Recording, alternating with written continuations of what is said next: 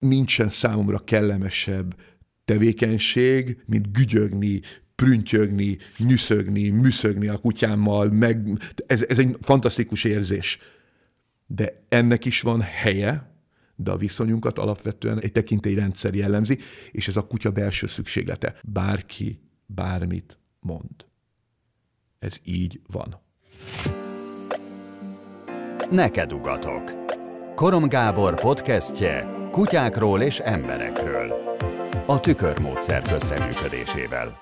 Sziasztok! Ez itt a Neked Ugatok Podcast legújabb adása. Én Mucsicska László vagyok, és ahogy mindig minden adásban itt van velünk Korom Gábor is. Szia Gábor! Sziasztok! Mai adásban arról fogunk beszélni, hogy egy kutyának hol a helye. Kertben, avagy bent a lakásban ez is egy ilyen örök eh, dilemmázós, és eh, emberek nagyon egymásnak feszülnek ebben a kérdéskörben, hogy, hogy, hogy hol is kéne tartani. Neked mi az álláspontod erről? Én abszolút lakásban tartás hívő vagyok, de de szerintem nem is ez a jó ráközelítés, hogy lakásban tartás hívő vagyok, mert, mert ez nem hit kérdés, hanem, hanem érdemes utána menni annak, hogy a kutyának miért van helye a lakásban, és miért a lakásban van a helye. És egy picit vissza kell menni, egy picit mondjuk olyan, olyan, olyan néhány tízezer évvel, vagy sok tízezer évvel. Mi abból indulunk ki, hogy az írott történelmünk a kutyát kezelte úgy, ahogy kezelte. Ha elővesszük a magyar szólásmondások könyvét, és kikeressük, vagy rákeressünk a kutyával kapcsolatos szólásmondásokkal, akkor nagyon lehangoló lesz a kép, mert azt fogjuk tapasztalni, hogy a kutyáról szóló közmondások, szólások, szólásmondások, azok 95%-ban negatív tartalmúak. Ez nagyon fáj. Nagyon rossz egy kutyásnak ilyet olvasni. Kutyába se veszik a, a kutyát. És uh, ennek ok... most, hogy pörgettem, tényleg nem jut eszembe, hogy van pozitív egyáltalán? Hát erre készülnöm kellett volna. Nem, nem, nem nagyon, nem, nem, nem, de van, van azért, van azért. Ez egy elég komoly teher így a 21. századra, hogy egy olyan kutyás kultúrából transformálódunk, alakulunk, formálódunk át, amely a kutyát egy egészen más helyen kezelte. Még apáink korszakában is, mármint az én apáim korszakában, nem, az én korosztályom apáinak korszakában, és a, a kutya egy, egy másik helyen egy egészen más pozícióban élt a családdal.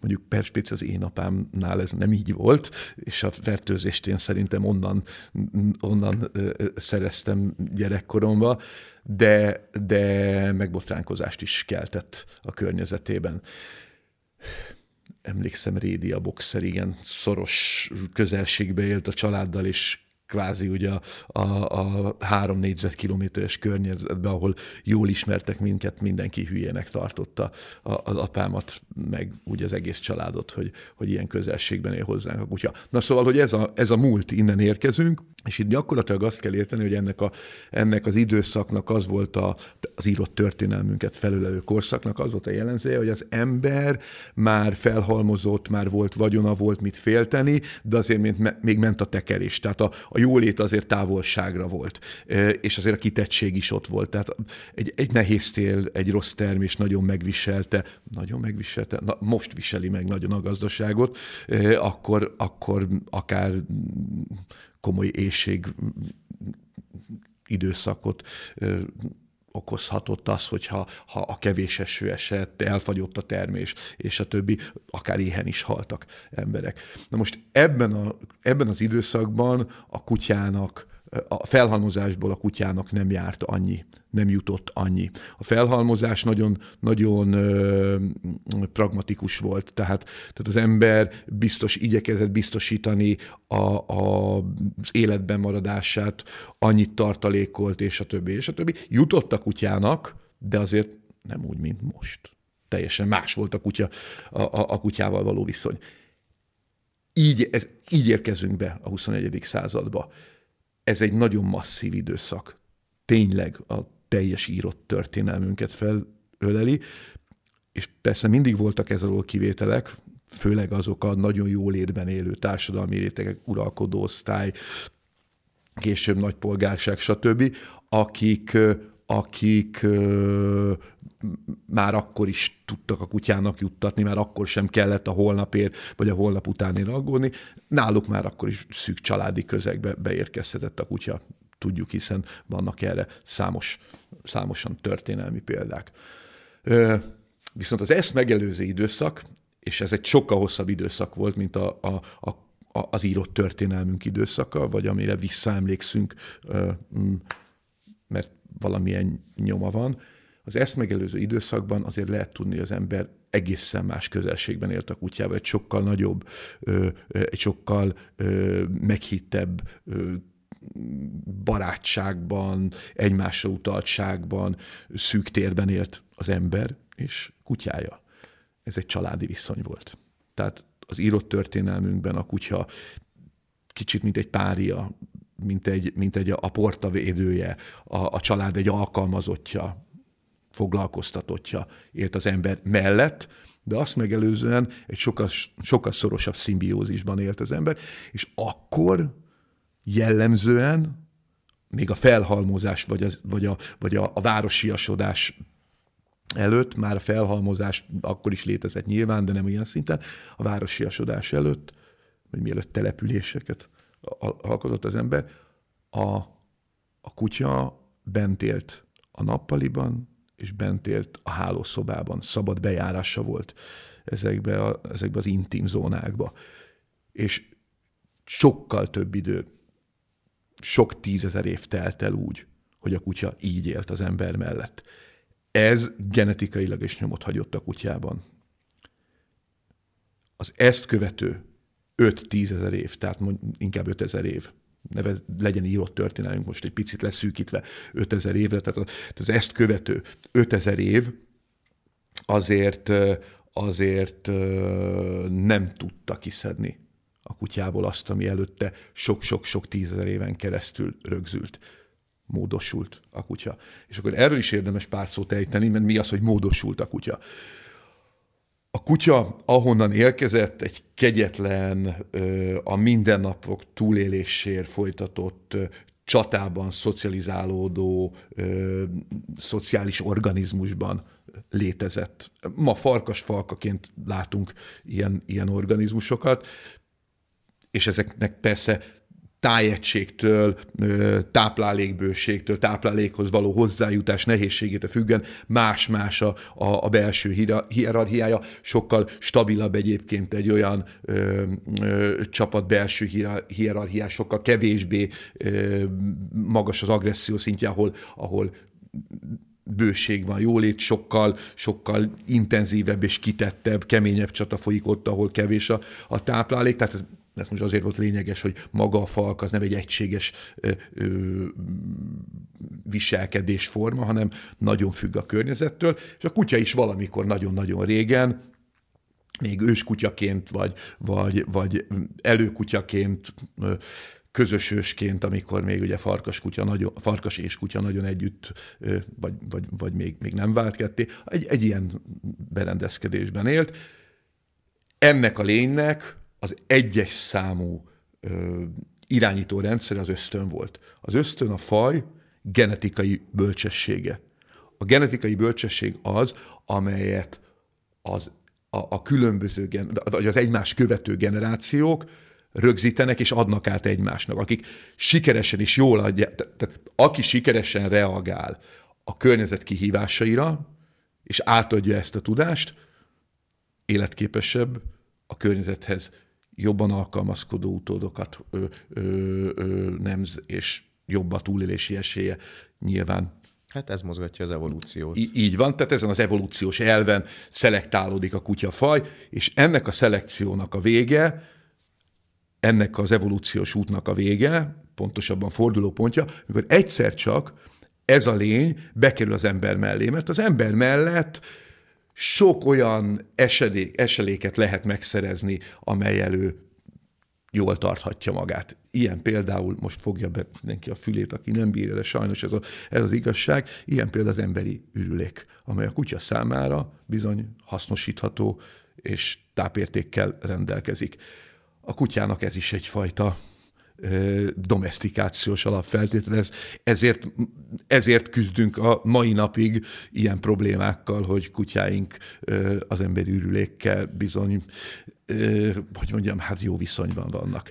Ez rettenetesen bosszantó ugye egy, egy családi kutyatartás esetében. Ez egészen más mondjuk, amikor kutya örüléget eszik, de arról most nem beszélnék, az maradjon egy későbbi beszélgetésünk tárgya. Na szóval egy szó, mint száz, ott volt még a, a, az emberi ö, táplálkozásban az a, a, a, a csont, aminek a velőjét még, ki, még, még le lehet róla rágni valamit, ott volt a csontvelő és a többi, és a többi. Tehát a kutya számára sok hasznosítható ö, ö, táplálék volt így az emberi maradékból. És oda szokott az emberi táborhoz, majd egyszer csak elkezd, az ember elfogadta, hogy ott van mellette a kutya.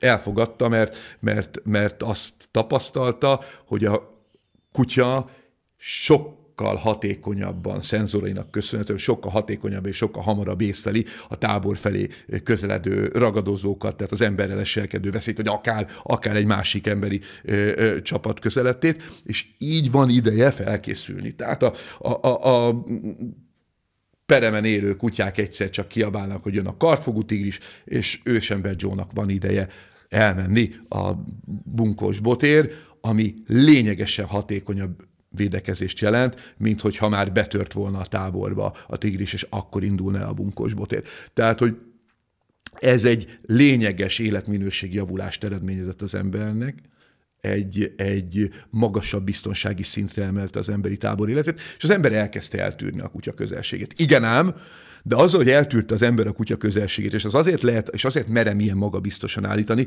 mert azért a, a most következő állításomra a napjainkig is, napjainkig is tapasztalató az, hogy vannak olyan kutyák, melyek még ilyen atavisztikus képességekkel rendelkeznek, még erős, nagyon erős védősztönös viselkedéssel rendelkeznek. Tehát a, a következő történt, hogy, hogy bejárt az emberi táborba a kutya, már elfogadta, de a magas agresszió szintű kutyák, azok bizony okoztak problémát. Például rákcsáltak valamit, és oda ment a kisgyerek, és a kutya erre reagált ösztönprogramja szerint, amiből akár tragédia is, de súlyos sérülés mindenképpen születhetett, és erre ősember Joe, kis Joe-nak az apja azonnal vendettát vett, és, és kivette a, a magas agresszió szintű kutya génállományát, a, a csapat génállományából kiiktatta a forgalomból. És ennek az... szépen fogalmaztad meg, hogy megölte az állatot. Így van, és ez napjainkig is megtörténik. Tehát, tehát nap, a, ott, ahol még a természethez közel élnek, a természethez közel tartanak kutyát emberek, ott a szelekció még mindig ezen rideg elvek alapján működik. Nem feltétlenül agresszió alapján, alkalmatlanság alapján, bármi alapján, bármi, ami az embernek fontos, nagyon gyorsan szelektálnak, nem pazarolnak élel, élelmet arra, hogy, hogy olyan egyedeket tápláljanak, akikre nincs szükségük. Ez, egy más, ez is egy más létforma. Na most itt ez a, ez a ez az indító állapot volt, amikor az ember és a kutya összetalálkozott. Ez az indító állapot. De lassan elkezdték kiszelektálni azokat az egyedeket, legfőképpen azokat az egyedeket, nem is az agresszió szint volt igazából a, a legfontosabb, mert az, az kellett az embernek használta is, hanem inkább azokat, akik nem tudtak együttműködni az emberrel, akiknek magas volt a dominanciája, akik nagyon erős önérdekérvényesítőek voltak. És maradtak azok az egyedek, akik el tudták fogadni az emberi diktátumot, az emberi akaratot. Ez egy folyamatos alakulás volt, de egyszer csak ebben a folyamatban megszületett a kutya. Jaj, erről van egy, van egy jó kis történetem egyébként, hogy, hogy, hogy soha nem értettem, hogy a farkasnak és a kutyának mi köze van egymáshoz, mert volt szerencsém többször találkozni farkasokkal, és semmi közelséget nem érzek a farkas, farkashoz, és, nem ér, és ugyanakkor meg tudjuk, hogy ha összeházasodnak, akkor abból szaporodó képes egyedek születnek, tehát tudjuk, hogy közel vannak, és egyszer bele csúsztam. A, ja, hogy, hogy, hát ugye rengeteg kutyával foglalkozva, kerestem ezt a kapcsolatot, hogy hogy, hogy lehet, meg hogy létezhet, meg hogy... Lehet, hogy most elmondom, mert ez, ez baromi izgalmas. Hogy, Mondd tehát ez, egy, ez, ez bennem egy elég, egy, egy, egy elég erős mm, hogy mondjam, ilyen, ilyen hitetlenség, értetlenség és zavart okozott, hogy hogy lehetett a, a, a, a, a farkasból kutya. És a következő történt, hogy, hogy vendégségbe voltam egy ilyen etológiai kísérletnél, egy nagyon kedves ismerősöm hívott meg, és mielőtt jöttünk volna haza, a feleségemmel előtte kérte, hogy nézzek meg egy, egy, egy egyedet, aki ki van véve a farkas falkából. Ott, ott farkasokat és kutyákat neveltek úgy, hogy külön farkasokat, persze, és külön kutyákat, kontrollcsoportként a kutyákat, és vizsgálták a különbséget a, a, a, a két faj között. Na és egy szó mint száz, egy farkas lányt ki kellett venni, és külön kellett tartani. Mert mindenkit elmart maga mellől. Nagyon nehéz volt tar- így, így a, a falkában bent tartani. Egyetlen egy hímet elfogadott azzal, nem, nem volt antiszociális, de egyébként teljesen antiszociális volt a csapatban, így, így ő kapott egy külön területet, egy külön kifutót és be kell valljam, én egyáltalán nem érzem jól magam a farkasok társaságába. Tehát bevittek, nem mesélem az egész sztorit, egy egész csapat vigyázott rám, mert, mert, mert az alfa kinézett magának. Én sem éreztem jól magam. Többször is voltam benn farkasoknál.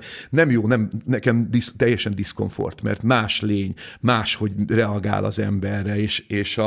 a, a lé... fura, ezt, fura ezt hallani tőled, hogy te, aki egyébként így domináns vagy így a kutyák között, így, így egy, egy rokon állattal viszont ennyire távolságtartó vagy. Nem így mondanám, hogy domináns vagyok, én inkább úgy mondanám, hogy értem a kutyát, és a, és a, a, a kutyával fel tudom venni a kapcsolatot. Tehát van, van, inter, van interakció képességem a kutyával, és a kutyának is velem. És ez nagyon nagy biztonsággal ö, tölt el. Én a kutyának rajongója vagyok, nem eszem ágában nincs ledominálni mások kutyáit, kéretlenül belépni a, a, a gazda ö, helyzetébe, ha csak nem, ez valahol valamilyen fontos feladatként jelenik meg. Tehát nem domináns szereplőként jelenik meg egy másik kutya, egyszerűen csak annyi, hogy értem a kutyát, sokat tanultam a kutyáról, sokat tanultam a kutyától, rengeteg rengeteg, rengeteg, rengeteg kutyával és gazdával dolgozom, de a farkasnál semmiféle ilyen érzésem, és nem csak a farkasnál, egyszer egy sakál is megharapott, úgyhogy a sakált felnevező, felnevelő gondozó, most a szégyentől megkímélem őt, egy, egy, egyébként egy állatkert vezetője volt, invitált, hogy nézzem meg a szelített sakáját, és, és akit ő nevelt, és én tiltakoztam, hogy köszi, nem akarom, mert nem akarom, mert egy vadállatot nincs, nincsen vágy bennem, hogy megsimogassam, de nyugodtan, csak tegyem oda a kezem megszagolni. Oké, okay, oda tettem, és abban a pillanatban villant a fogsor, és, és kaptam is egy szép, egy szép kis sebet, pont egy előadás előtt egyébként. Úgyhogy na ez volt a sakásztorim, de visszatérve a farkasra, hát nem a farkasnál is hasonlóképpen diszkomfortban éreztem magam. És igen, valóban, tehát a, a dominant, tehát, tehát nyilván aki sokat dolgozik állatokkal, annak van egy, van egy olyan fajta kommunikációja, hogy azért, azért keresi a, tehát figyelem az ő figyelmüket, van, egy, van egyfajta ilyen, egy ilyen szubtilis interakciós szint, ami, ami ebben az esetben megjelenik, és valószínűleg ez, ez, ez a farkasok tekintetében egyáltalán nem pozitív, vagy a farkas csapattal való találkozás egyáltalán nem pozitív. Na, szóval ez történt, és már, már mentünk volna, ez tényleg tök érdekes volt, na, rengeteget mesélhetnék az ott tapasztaltakról, de most nem erről akarok mesélni, hanem csak erről az élményről, hogy a, a hiányzó láncszem, mert ez egy óriási élmény, a hiányzó láncszem a kutya, vagy a farkas és a kutya között, mert nincs. És akkor a, ugye bevittek ehhez a farkas lányhoz, a diszkomfortom itt csak. Tehát eddig a szociális farkasoknál voltam, érted, Maci? Igen. És most bevitt, ahol rohadt szarul éreztem magam, és most bevittek az antiszociális farkashoz, ami, ami, ami tényleg beszartam, tehát nincs mit finomítani rajta, meg voltam ijedve, csak oké, okay, bemegyek. És kérlek szépen a következő történt, Ugye azt tudtam erről a farkasról, hogy ez minden farkast elmar maga mellől, teljesen antiszociális, szóval olyan, akivel nem szeretnék és bevisznek, és azt képzeld el, hogy amíg a farkasokkal szemkontaktust egyáltalán nem vettem fel, meg nem is lehetett. Tehát az, a, az egy fenyegető helyzet volt, amikor szemkontaktus született, és kerültem, de ők sem keresték ilyen értelemben a szemkontaktust, ha csak nem fenyeg. bementem ide, és az történt, hogy jött egy olyan lény, aki már nem farkas volt. A falka kivetette, nem tudott a falkával létezni, külön falkát kellett, hogy de képzeld, hogy az emberekkel való viszonya teljesen szociális volt. Döbbent tekintettel néztem és konstatáltam, hogy mi történt itt, hogy megdobbant a szívem, és nagyon jól érzem magam. És egy olyan eufó- életem egyik legnagyobb élménye volt, ezt el kell mondjam, és ezt nagyon lelkesen újság. Tehát egy olyan eufória költözött belém, nem csak a megértés miatt, hanem a találkozás miatt, amit nagyon nehéz elmesélni, nagyon nehéz átadni. És, és ők kérdeztem, mert ő, ők, nekik ez inkább terhelés volt. Tehát nem egy, nem egy óriási lehetőség vagy kaland, mert nem ezt mérték, nem ezt vizsgálták. És akkor, hát igen, az emberekkel jó fej. És akkor akkor szakadt át, hogy hát így született valószínűleg, ezt nem tudom meg, de tehát, hogy ez volt az a, az a pillanat, egy degeneráció, egy, egy genetikai torzulás, egy antiszociális farkas, aki a fajtársaival nagyon rossz viszonyban van, de az emberrel viszont egészen más viszonyban. És ez, és ez echte farkas-farkas volt, tehát hogy nem egy farkas ez kutya egy, keverék, nem, ez egy, hanem ez egy... Igen, és a farkas és a kutya keverék az egy nagyon veszélyes dolog, tehát azt úgy most hagyjuk is, azt tegyük most félre. Nem, ez egy farkas volt, ez, egy, ez Nyilván ez egy nagyon felületes, egy, egy, ez egy pár perces impresszió volt, azért ezt tegyük hozzá, e, és az is lehet, hogy én ezt rosszul mértem fel, mert nem voltam ennek a témának beavatott szakértője, de mint élmény, ami bennem keletkezett, és mint megértés, amit elhoztam magammal, az nagyon, jelentő, az nagyon jelentős volt, sorsfordító esemény volt a kutya megértésében, és nagyon sokat segített utána egyébként a, a kutya-ember viszony kutatásában, abban, hogy hogyan tudjak hatékonyan ö, segíteni a gazdáknak, hogy megértsék a kutyájukat, és viszont.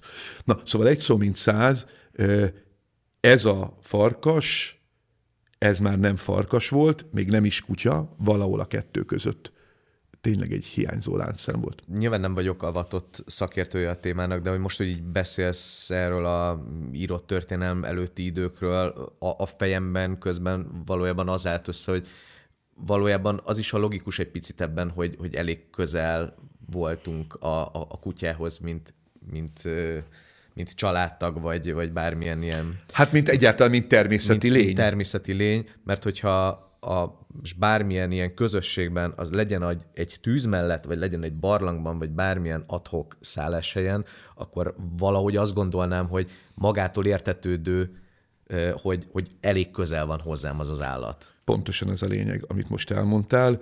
Az ember és a kutya kapcsolata tehát úgy kezdődik, hogy egyszer csak megszületett nem tudom, hogy, nem tudom mikor, sejtelmeim vannak erről, meg elképzelésem van erről, de hát nyilván nem voltam ott, vagy ha ott voltam, nem emlékszem rá. szóval egy szó, mint száz, egyszer csak megszületett az a lény, akinek egy olyan furcsa tulajdonsága lett, hogy a fajtársi nexus egy másodlagos szempont volt, és az embert nem, faj, embert nem fajtársának, ez egyébként szerintem az emberi kutatásnak egy nagyon erős zsákutcája, amikor azt gondoljuk, hogy a kutya az embert fajtársnak ismeri fel, nem. A kutya az embert egy magasabb rendű lénynek ismeri fel.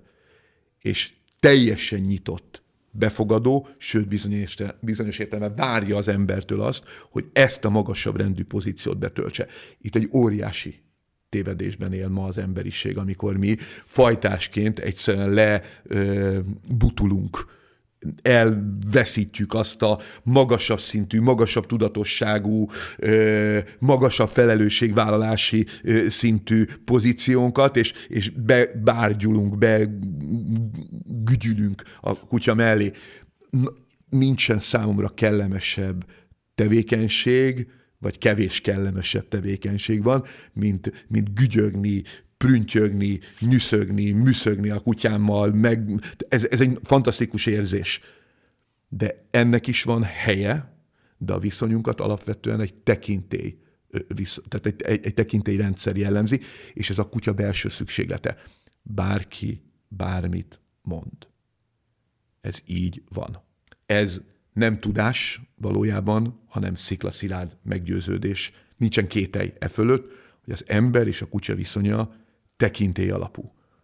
A probléma az az, hogy mi a tekintéhez kellemetlen asszociációkat társítunk. A tekintély az emberi kapcsolatokban is lehet magasrendű, de az ember és a kutya viszonyában tekintély még csak nem is olyan, mint az emberi viszonyban, hanem alapvető, magától értetődő. Ember és ember kapcsolatában a tekintélynek teljesen más helye van. Ott tulajdonképpen egyfajta ö, egyfajta szociális dinamika része. Számomra tekintély az autószerelő, hogyha autószereléssel ö, ö, kapcsolatos kérdésekhez, kérdésekkel fordulok hozzá. Ugyanígy tekintély a gazdasági szakír, szakértő, tehát nálunk a tekintély egészségesen egyfajta ö, ö, hierarchia vagy dominancia váltás jelleggel mozog. Tehát a mi társadalmunk, az emberi társadalom helyesen így működik. Tehát nincsen abszolút értelmű tekintély, vagy, vagy inkább úgy mondom, hogy nincsen helye elhagytuk a feudalizmusnak azt az időszakát, amikor annak még helye volt. De az ember és a kutya viszonyában abszolút ez az alapfelállás, és ez a kívánatos felállás. Ezt azért kellett itt tisztázni egyébként, mert ez egy nagyon veszélyes torzulása a társadalomnak. Két szélső érték között kell megtartani magunkat középen. Az egyik szélső érték az, amikor, amik, ez a múlt ugye az írott történelmünk, amiről idáig beszél, az írott történelmünknek a, a, a hagyománya, a, a hagyatéka, amikor a kutya egyféle páriaként, egyféle alkalmazottként, szolgaként a, a, valamilyen funkcióban van az ember mellett mértékkel nyilván ennek is van helye a mai világban, de már mint családtagként. Tehát ez az egyik szélső érték. Ennek, ennek ugye a, a, a, a legerősebb szimbóluma a láncon tartott kutya. Basszus. Majd mindjárt látni fogjuk, hogy miért, miért nagyon nagy baj, amikor egy kutyát látszon tartunk. Mert ezt ki fogjuk még bontani a beszélgetésben. Másik szélsőérték, amikor elfeledkezünk arról, hogy a kutyának mi a szükséglete mik a kutya belső motivációi, merre tart a kutya fejlődés és evolúciója. A kutya e- fejlődés és evolúciója egy ember által működtetett, egy emberi felelősség, egy emberi tudatosság, egy emberi segítség által működtetett folyamat. Abszolút átvette az ember ezt a, ezt a feladatot az ösztönbölcsességétől, az ösztöntudásától, abszolút az ember irányításába került ez a fajta evolúciós folyamat, óriási felelősség, hatalmas felelősség. És amikor egy ilyen helyzetben a kutyát ö, ö, ilyen, ilyen majmocska állapotba, ilyen antropomorfizált állapotba helyezzük, az a kutyában magában belső feszültséget jelent, ö, és, és a legfontosabb szükségletét, a gazdát, aki nem etető személyzet, nem kiszolgáló személy, a gazdát vesszük el tőle. A gazda az a személy, aki int, akinek van interakciós képessége, érti, tehát érti a kutyát, megérti, és meg tudja értetni magát. Akinek, aki, aki úgy illeszti az emberi társadalomba, hogy odaadja a kutyának azt az adományt, mert a kutya abszolút vevő erre, hogy a hierarchiaváltás, a dominanciaváltás képességét elsejt. Tehát a, a kutyám néha egy játékban akár dominálhat is felettem, vagy egy, vagy egy, vagy egy olyan tevékenységben, ahol rá, rá vagyok utalva. De más helyzetekben azonnal vissza kell, hogy adja nekem a tekintélyt a kutya. Tehát, tehát ilyen értelemben átszűrődik az emberi társadalom a, a, a, a kutya-gazda viszonyba. Tehát a gazda nem, a, ugye itt van egy, van egy nagyon rossz, rossz beidegzés, a kutya falkában él az ember mellett, nem, a kutya falkából érkezik, és az ember mellett egy családban él. Ez, nagy, ez egy nagyon-nagyon fontos különbség az emberi családba. Tudott tökéletesen illeszkedni, és tud az emberrel tökéletesen együtt élni egyébként a kutya, de ez képesre kell lennem arra, hogy amikor például ösztönbe kapcsol, elindul a nyúl, elindul a labda, elindul a síró gyerek, akkor a kutyát meg tudjam állítani mert ha nem tudom, a kutyámat is, és a környezetemet is veszélyeztetem. Ez a képessége a kutyának, hogy a saját akár legerősebb ösztönviselkedését is felülírja egy emberi diktátum, ezt teszi alkalmassá a kutyát az emberrel való együttélésre, és az emberi társadalommal való együttélésre, és arra a csodára, amire az ember egyedülállóan képes, hogy akár 20 milliós metropoliszokat képes benépesíteni, ehhez képest nagyon alacsony nagyon-nagyon alacsony agressziós szinttel, mert mi nem így éljük meg, mert azt látjuk, hogy nap mint nap, de azt nem veszük észre, hogy hány emberrel vagyunk, vagyunk jó viszonyban, és nem veszünk össze, és nem szúrjuk le, és nem, és a többi, és a többi. Tehát mi, mi alapvetően békés lényként működünk és funkcionálunk, és a kutya is belépett így mellénk, és képes lett elsajátítani ezt az alaptulajdonságot, hogy formálódunk a környezetünkhöz. Tudom, hogy most itt szeretnénk sokan szeretnék legalábbis azt mondani, hogy mi nem ilyenek vagyunk, mert igenis csúnyán viselkedünk meg. Ami, ez, ez is része az emberi viselkedésnek, de az ember egy alapvető fejlődési folyamatban állva egyre összetettebb, egyre felelősebb, egyre legfontosabb, tudatosabb módon érzéke is látja a környezetét, és itt lép be a kutya, a hogy miért a kutya és miért a, a lakásba. Még ide egy beszúrás, hogy mi az a történelmi pillanat, ami kor az megtörténik, hogy van ez a család közelisége a kutyának, és, és egyszer csak párjává válik. Engedd meg, hogy még egy picit visszamenjek a, a, a, oda, hogy hogy lesz családtag, mert uh-huh. ezt még nem teljesen bontottuk ki. Tehát az, e- mert hogy az ember, az ember rá van utalva a kutyára, használni kezdi, de de nincsen korszerű kutyakiképzés, nincsen klikker, nem tud utána nézni különböző kutyás szakfolyóirat, és a többi. Tehát ezért az embernek a, alapvetően egy kapcsolat alapú együttműködésben kell a kutyát tudni működtetni. Tehát a, oda el kell jutnia, hogy a kutya akarjon az emberért dolgozni.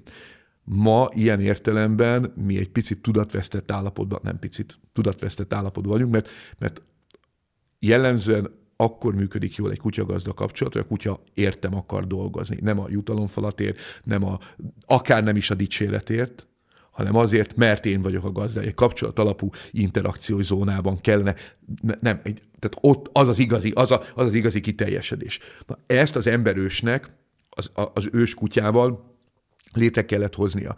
Tehát ő nem úgy tanított, mint ahogy mi tanítottunk, hogy valamilyen célfeladatra megtanítottuk, hanem a kutya észlelte, hogy az ember ezt szeretné, és megcsinálta. Természetesen ma is látjuk ennek nyomát, de nem ez a jellemző tendencia. Ez fontos.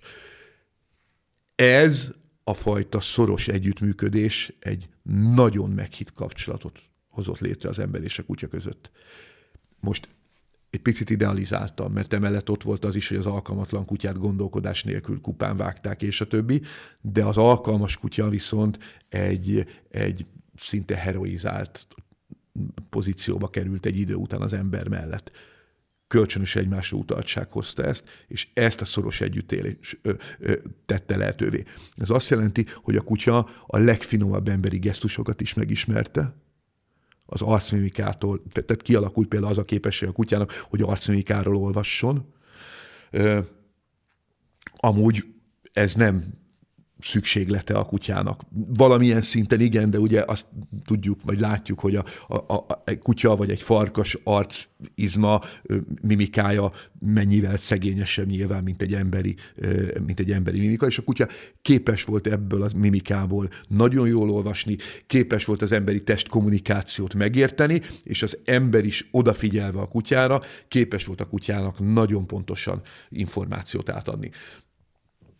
Ez volt az együttélésünknek a forradalmi alappillanata, mikor ez az egymásra hangolódás megtörtént. Ez sok tízezer éven keresztül csiszolódott, finomodott, és akkor ez tulajdonképpen nem más, mint a családi kutyatartás lehetővé tevő alapszett, alapskill felprogramozódása. És akkor most a kérdésedre a válasz, és egy bizonyos történelmi pillanatban az embernek a kutyára utaltsága lecsökkent. Mert már olyan fegyverei voltak, meg már mondjuk egy, egy rőzsefalat húzott a tábor köré, ami már lassította a beérkezést. Már nem, annyira, nem, nem volt annyira nagyon fontos, hogy a kutya szóljon. Vagy ha szólt is, akkor nem kellett, tehát, tehát viszonylag egyszerű funkcióit kezdte el a, a, az ember használni, nem azt az össze, nem azt a finomságot, ahogy a vadászatnál együtt dolgozta, és a többi, és a többi. Tehát, hogy, hogy, hogy ebben a pillanatban az emberi önzés, mert azért ez fontos leszögezni, hogy a mi társadalmunkat, az emberi társadalmat és az emberi evolúciót nagy mértékben mozgatja az, amit önzésnek nevezünk, vagy egoizmusnak nevezünk. Nagy mértékben mozgatja, és még nagyobb mértékben hátráltatja. De fontos, tehát nem tagadhatjuk meg, úgy egyénben, és úgy társadalmilag ennek van szerepe.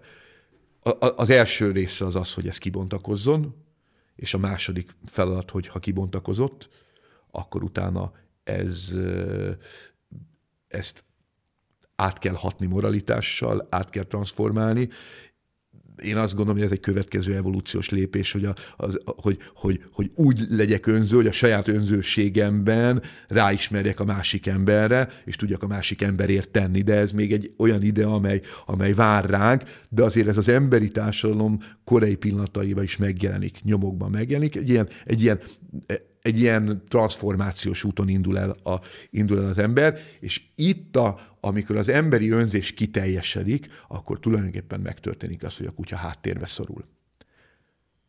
És ez a háttérbe szorulás azt jelenti, hogy az ember már egy ilyen hát praktikus tartási formát vesz fel, arra használja a kutyát, amire a kutya egyszerűen is használható, amihez nem kér a kutya nagy figyelmet kikerül a kutya a lakásból az utcára, az emberi kapcsolat egyáltalán nem olyan kifinomult, még egyszer mondom, általánosan, ez fontos, hogy tehát egyedi kivételek mindig is voltak, általánosan jellemző ez, hogy, hogy a kutya kikerül a kertbe.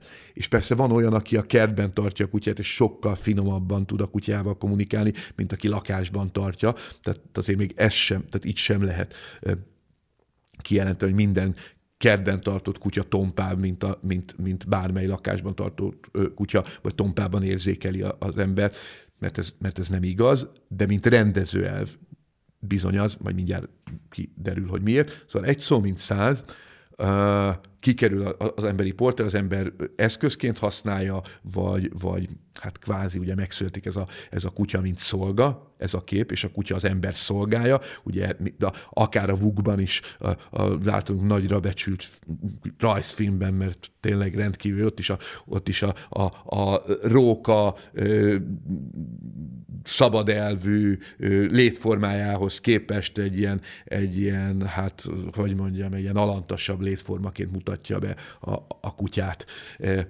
Ez, ez ezért történik, mert a kutyát mi ide, ide helyezzük és ide tesszük, és itt köszön ránk a 20. század közepe, de nevezzük inkább az ezredfordulónak azt a pillanatot, amikor viszont megváltozik a világ. Miért változik meg a világ? Mert az emberi jólét olyan szintre él, hogy az ember figyelme befelé fordul. És ebben a befelé fordulásban az ember falakat épít maga köré, fáj, amit okozunk egymásnak, érzékenyek vagyunk, van időnk a lelki sebeinkkel foglalkozni, és nem csak időnk van, hanem, hanem gyakorlatilag ennek hatására valóban egy olyan stimuláció jön létre, egy gazdagabb lelki élet, és a többi, és a többi. És ebben a fajta elidegenedésben a kutya egy elképesztő jó komp, egy elképesztő jó partner, aki, aki komp azért, mert összeköt embert emberrel, azonnal, tehát a, a a legtöbben, szerintem a legtöbbet használt kapcsolatfelvétel, vagy eredményes kapcsolatfelvételi forma, amikor az emberek kutyáról kezdenek el beszélni. És ezt még katalizálja, vagy ezt még erősíti, hogy a kutya is van jelen a, a, a, a sztoriban.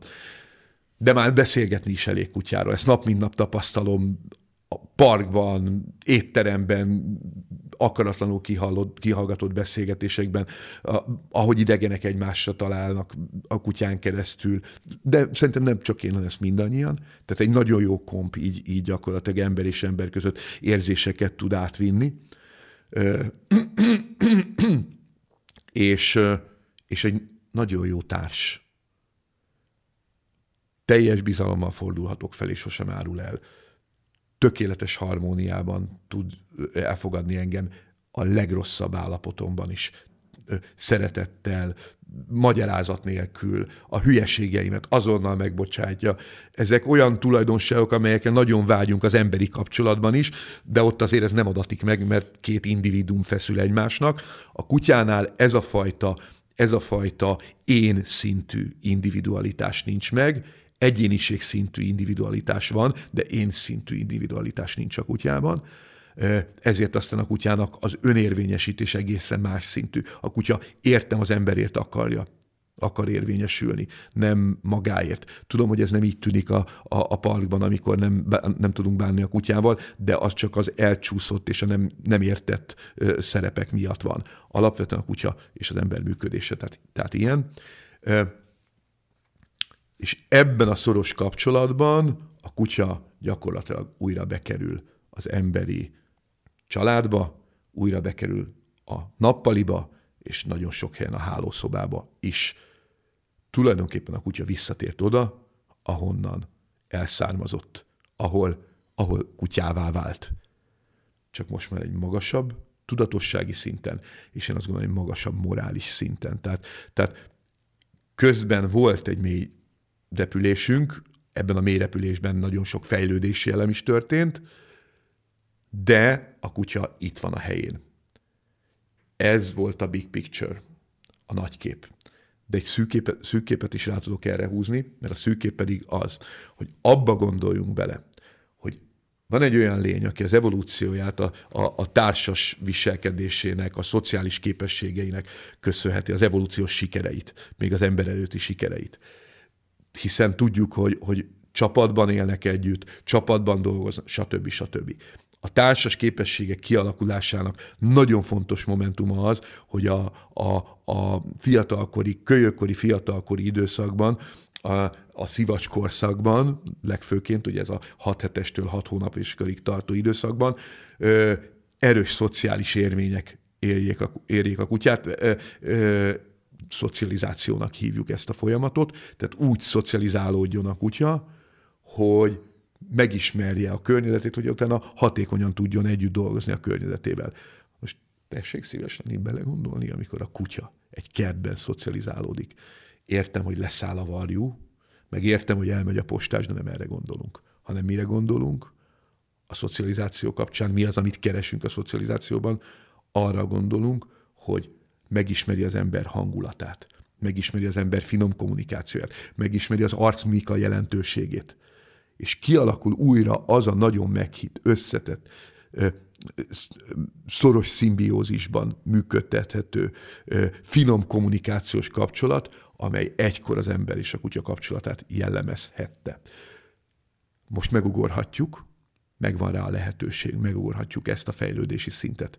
Felhúzhatunk egy másik lényt az evolúciójában, vagy majmocskát és bungyulkát csinálunk belőle, ez tulajdonképpen minden gazda döntése.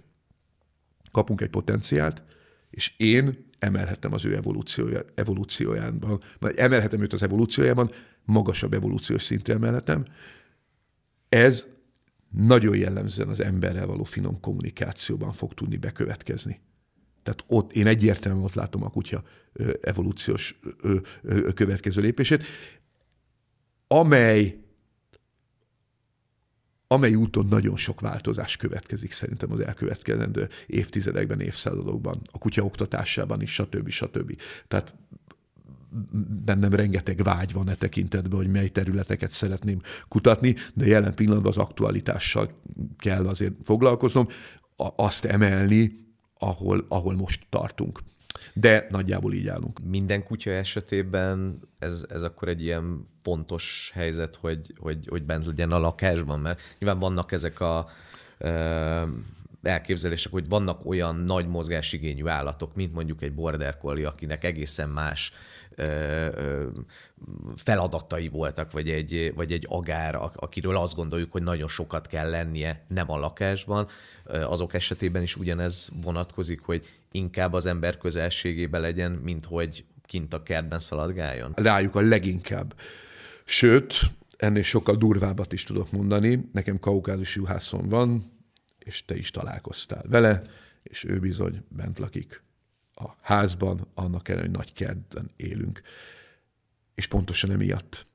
Mert a kutyának sokkal magasabb szükséglete az, hogy az ember szűk közelében éljen, mint az, hogy a kertben rohangáljon. Egy, nem rohangál a kertbe. Kettő, ha rohangál, az nagyon sokszor kényszerviselkedés, tehát egyfajta beszűkülést jelent. Egyszerű kulcsingerekre egyszerű ösztönviselkedés válasz. Ez nem az az emelkedett interakciós szint, mint amikor mondjuk valamilyen életmód tevékenységbe, valamilyen kutyásportba, de akár egy kilándulásra megyek el a kutyával. Ez sokkal egyszerűbb és szimplább létezés. A border collie lakásban tartása szerintem szinte nélkülözhetetlen.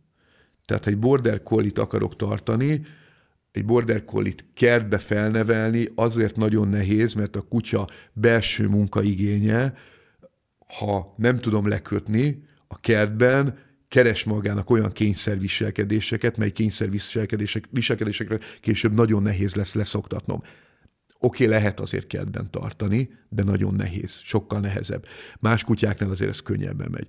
Tehát nem az a feladat, és nem úgy fogok energiát tudni levezetni, vagy energia, az energia háztartást menedzselni egy border collie esetében, hogy kirakom a kertbe, hanem úgy, hogy elmegyek egilitizni úgy, hogy, úgy, hogy elviszem őt ö, keresni, úgy, hogy, hogy bármilyen életmódprogramot végzek vele a, a Hooperstől a, a Pullerig, tehát, tehát egy, bor, egy border collie egy border collie ez az igénye.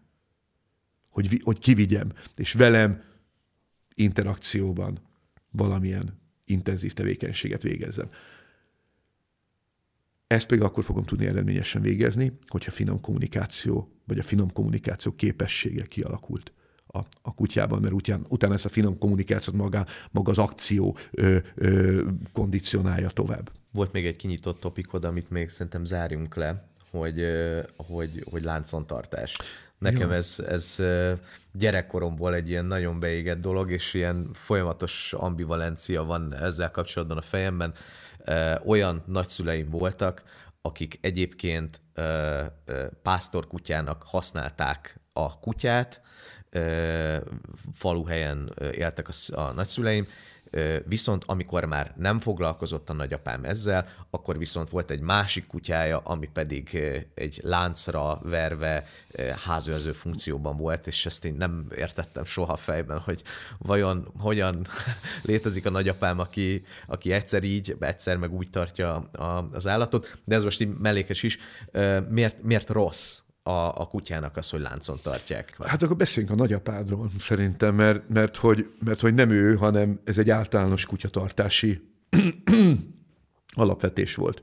A portákhoz tartozott egy kutyaház, egy levert vasrúd, rajta egy karika, és azon egy lánc, és azon annak a végén lógott egy kutya. Ez volt tulajdonképpen a, a, a betörési jelző szerkezet. Tehát ez, ez volt, a, ez volt a, a, a az, ami, ami jelezte, hogy ha, ha valaki átlépi a vonalat, az infrasorompó, az akármicsoda. Ennyi. Tényleg, tehát, tehát, tehát, a, tehát az ember eljutott odáig, és azért, azért ma is nagyon sok ilyen tevékenységünk van. Tehát a vágóhídon nap mint nap lemészárolt állatok tömkelege, az, tehát azért a, a mi önzésünk határai eléggé kitolódtak így a, a, az emberi fejlődés során és a kutya is bizonyos értelemben ennek áldozata volt. Áldozata és nyertese is, mert, mert, mert oké, okay, hogy ez, ez a sanyarúság és ez a sanyarú időszak ott van, de benn maradt az emberi közelségben, és oké, okay, hogy, hogy, hogy sok kutya élt így, de azért, de azért volt néhány kutya, aki, aki, aki fenntartotta az emberben, vagy bizonyos emberekben legalábbis azt az állapotot, hogy milyen az, amikor szorosan együtt élünk a kutyával, és hogy a, a kutya-ember barátság, na ez a pozitív szólás, te, te, tessék, a, a kutya-ember barátság azért, azért a, a, a, a, az ember lelkében, a, a, az ember tudatalattiában nagyon mélyen gyökerezik, és ez, ez a, az, ebben a ebben a szerintem egyébként tudatvesztett, vagy, vagy, vagy, vagy nehéz időszakban is ott volt. Tehát végig is, ezt nem hagyta el az ember soha. tehát használta a kutyát. És miért baj az egyébként, tehát a kutya szempontjából, de akár az ember szempontjából is miért baj az, hogy láncon tartjuk. A kutya akcióra, tevékenységre, feladatra vágyik, nem kajára. Tehát nem, az a, nem a, a kutyának nem az a szükséglet, hogy elirakják a kaját. Ez egy borzasztó rossz eh, pótcselekvés például az emberek részéről, hogy túletetik a kutyát. Ez, ez, ez ugye civilizációs ártalom. Nagyon sok kövér kutyát látunk, ö, rengeteg tudományos, ságos ö, ö, kutyaetető izmus alakul ki, mert, mert mert ugye ott tudunk direkt örömet, látszólag direkt örömet okozni a kutyának. De nem ott kell a kutyának direkt örömet okozni, nem a kajával. Az egy alacsonyabb szintű örömokozás. A magasabb szintű örömokozás az, amikor együtt tudok vele dolgozni, amikor tudok rá figyelni, amikor ő tud rám figyelni. Szóval ez bizonyos értelemben egyfajta ilyen becsúszás. Oké, okay, etessük egészségesen a kutyát, de ne toljuk túl. Szerintem. Na szóval egy szó, mint száz, a, a kutya akcióra vágyik, és amikor láncon van a kutya, akkor a kutya világa rendkívül módon beszűkül. Egyszerű kulcsingerek, jellemzően olyan kulcsingerek, melyeket ő nem tud elérni, tehát ösztön kielégüliség nem tud el, tehát egy kulcsinger kivált egy, egy, egy viselkedést, jellemzően egy ösztönviselkedést, folyamatot. Ez az ösztönviselkedés egy, egy ösztön kielégülésre tör, hogy elérje a célját. Megszerezze, elérje, megpuszíja, megszagolja, akármi. És ezek nem tudnak beteljesülni. Egy folyamatos, tehát a, a, az érkező kulcsingerek egy folyamatos kielégületlenségben tartják a kutyát. Ez a kutya elméjét beszűkíti, és egy torzlényt kreál belőle. Ez a probléma a láncon tartással és erre sajnos nem megoldás az, hogy néha oda megyek és megsimogatom. Általában véve a környezetével való ö, interakciókat ez nagyon erősen bekorlátozza. Nálunk ennek a láncon tartott kutyának az volt a, a végállomása, hogy én ott nagyon gyakori vendég voltam, tehát hogy nem lehet azt mondani, hogy, hogy a kutya nem ismert. Viszont volt egy olyan alkalom, amikor viszont elszakadt a lánc, és, és ott szaladgált össze-vissza. Én megérkeztem a családi házhoz, és a kutya megtámadott és megharapott. Gondolja be bele, hogy mennyi ösztön kielégületlenség után szerezhetett elégtételt magának, hogy végre, végre ennyi kulcsinger, ennyi frusztrált ö, és bekorlátozott ö, ösztönenergiám, és na itt van ez a kis fű, jó, megharapom a seggét. Ja. Úgyhogy, na volt egy jó napja. Na jó, ez most nagyon csúnya volt, bocsánatot kérek, csak azt, azt akartam, hogy értsük egy kicsit kutya szempontból, hogy mi Igen. történt itt. Igen. Uh, még, még egy kicsit visszakanyarodva te állattartásodra. Amikor ide jövök, akkor Jorma általában kint van, de, de ilyen százalékosan, hogyha ezt így kéne valahogy így, így belőni, hogy mennyi az az időintervallum, ami veletek a környezetetekben van, és mennyi az, amit kint van az udvaron? Jellemzően én úgy tartom Jormát, hogy amikor nem vagyunk itthon, akkor én kint szoktam hagyni a, most már azért sokat, tehát sokat hagyom úgy kint a jormát, hogyha éppen nincs dolgunk, akkor kint van, este mindig velünk alszik, és amikor hűl az idő, akkor én már például, például nem szeretem, hogyha ha sokat van kint. Százalékosan, amikor itthon vagyok, annak egyébként, hogy össze, össze nagyságrendileg a felét van bent, és, és a felét kint. Télen ez viszont más. Tehát télen, télen gyakorlatilag szinte majdnem végig bent van. És akkor így a, a közelség közelségének a határait még így hadd teszteljem, hogy egy ekkora állat veletek a hálószobában, vagy úgy csak úgy bent a házban alszik? Én nagyon szeretem a hálószobában a kutyát, a feleségem nem. Úgyhogy hálószobában nincs bejárása Jormának. E, mindenhova máshova. Most hát hálószoba és a konyhába. Én mind a két helyre beengedném, rajtam volna, de, de a, feleségem, a feleségem ezt hát nem szeretné, úgyhogy, úgyhogy ez a két tiltott terület, a nappaliba van ott mellettünk jellemzően, tehát ott a, van egy szőnyeg, ami az ő szőnyege, ott szeret leginkább feküdni, de, de elfekszik mindenhol ahol éppen, ahol éppen jó neki. Jellemzően egyébként, a, a, a, amikor alszunk, akkor a hálószoba ajtajában szokott aludni. Van-e esetleg, hogyha most így megint egy picit így általánosítunk, bármilyen, nem tudom, kisméretű lakás, amire azt mondanád, hogy na ide most már tényleg kutyát ne, vagy, vagy teljesen független ettől? Nincs. Nincs ilyen. Nincs ilyen, mert nem, tehát a, a, a kutyának a mozgás igénye, igényének nincsen semmi köze a lakáshoz. Tehát a nagyobb lakásban nem tud többet mozogni a kutya. Ez egy ilyen, nem is tudom, hogy miért gondolnak ilyet az emberek a, olyan van, hogy én kevésbé félek el a kutyától, meg ketten bitoroljuk azt a kis területet. Ez van, de a, de a kutyának ez egyáltalán nem okoz problémát. Tehát bármilyen kis lakásban lehet kutyát tartani, tehát 20 négyzetméteres lakásban lehet német dogot tartani. Hogyha rendszeresen viszem őt sétálni, elfárasztom, és otthon elfekszik, és én meg egyébként el vagyok azzal, hogy a 20 négyzetméterből a kutya miatt csak 10 négyzetméter lesz, mert a kutya 10 négyzetméteren fekszik, nyilván nem 10 négyzetméteren, de hogy, tehát, hogy az, az engem gátol, és nem a kutyát. Tehát a kutyának nincsen olyan lakásban ö, ö, lévő mozgásigényelmet egy lakás méretével kellene ö, kielégíteni. Ezzel a konklúzióval engedünk el titeket, tartsatok velünk legközelebb is a Neked Ugatok következő adásában. Korom Gábort hallottátok, láttátok, én meg Mucsics Galászló voltam. Sziasztok! Sziasztok!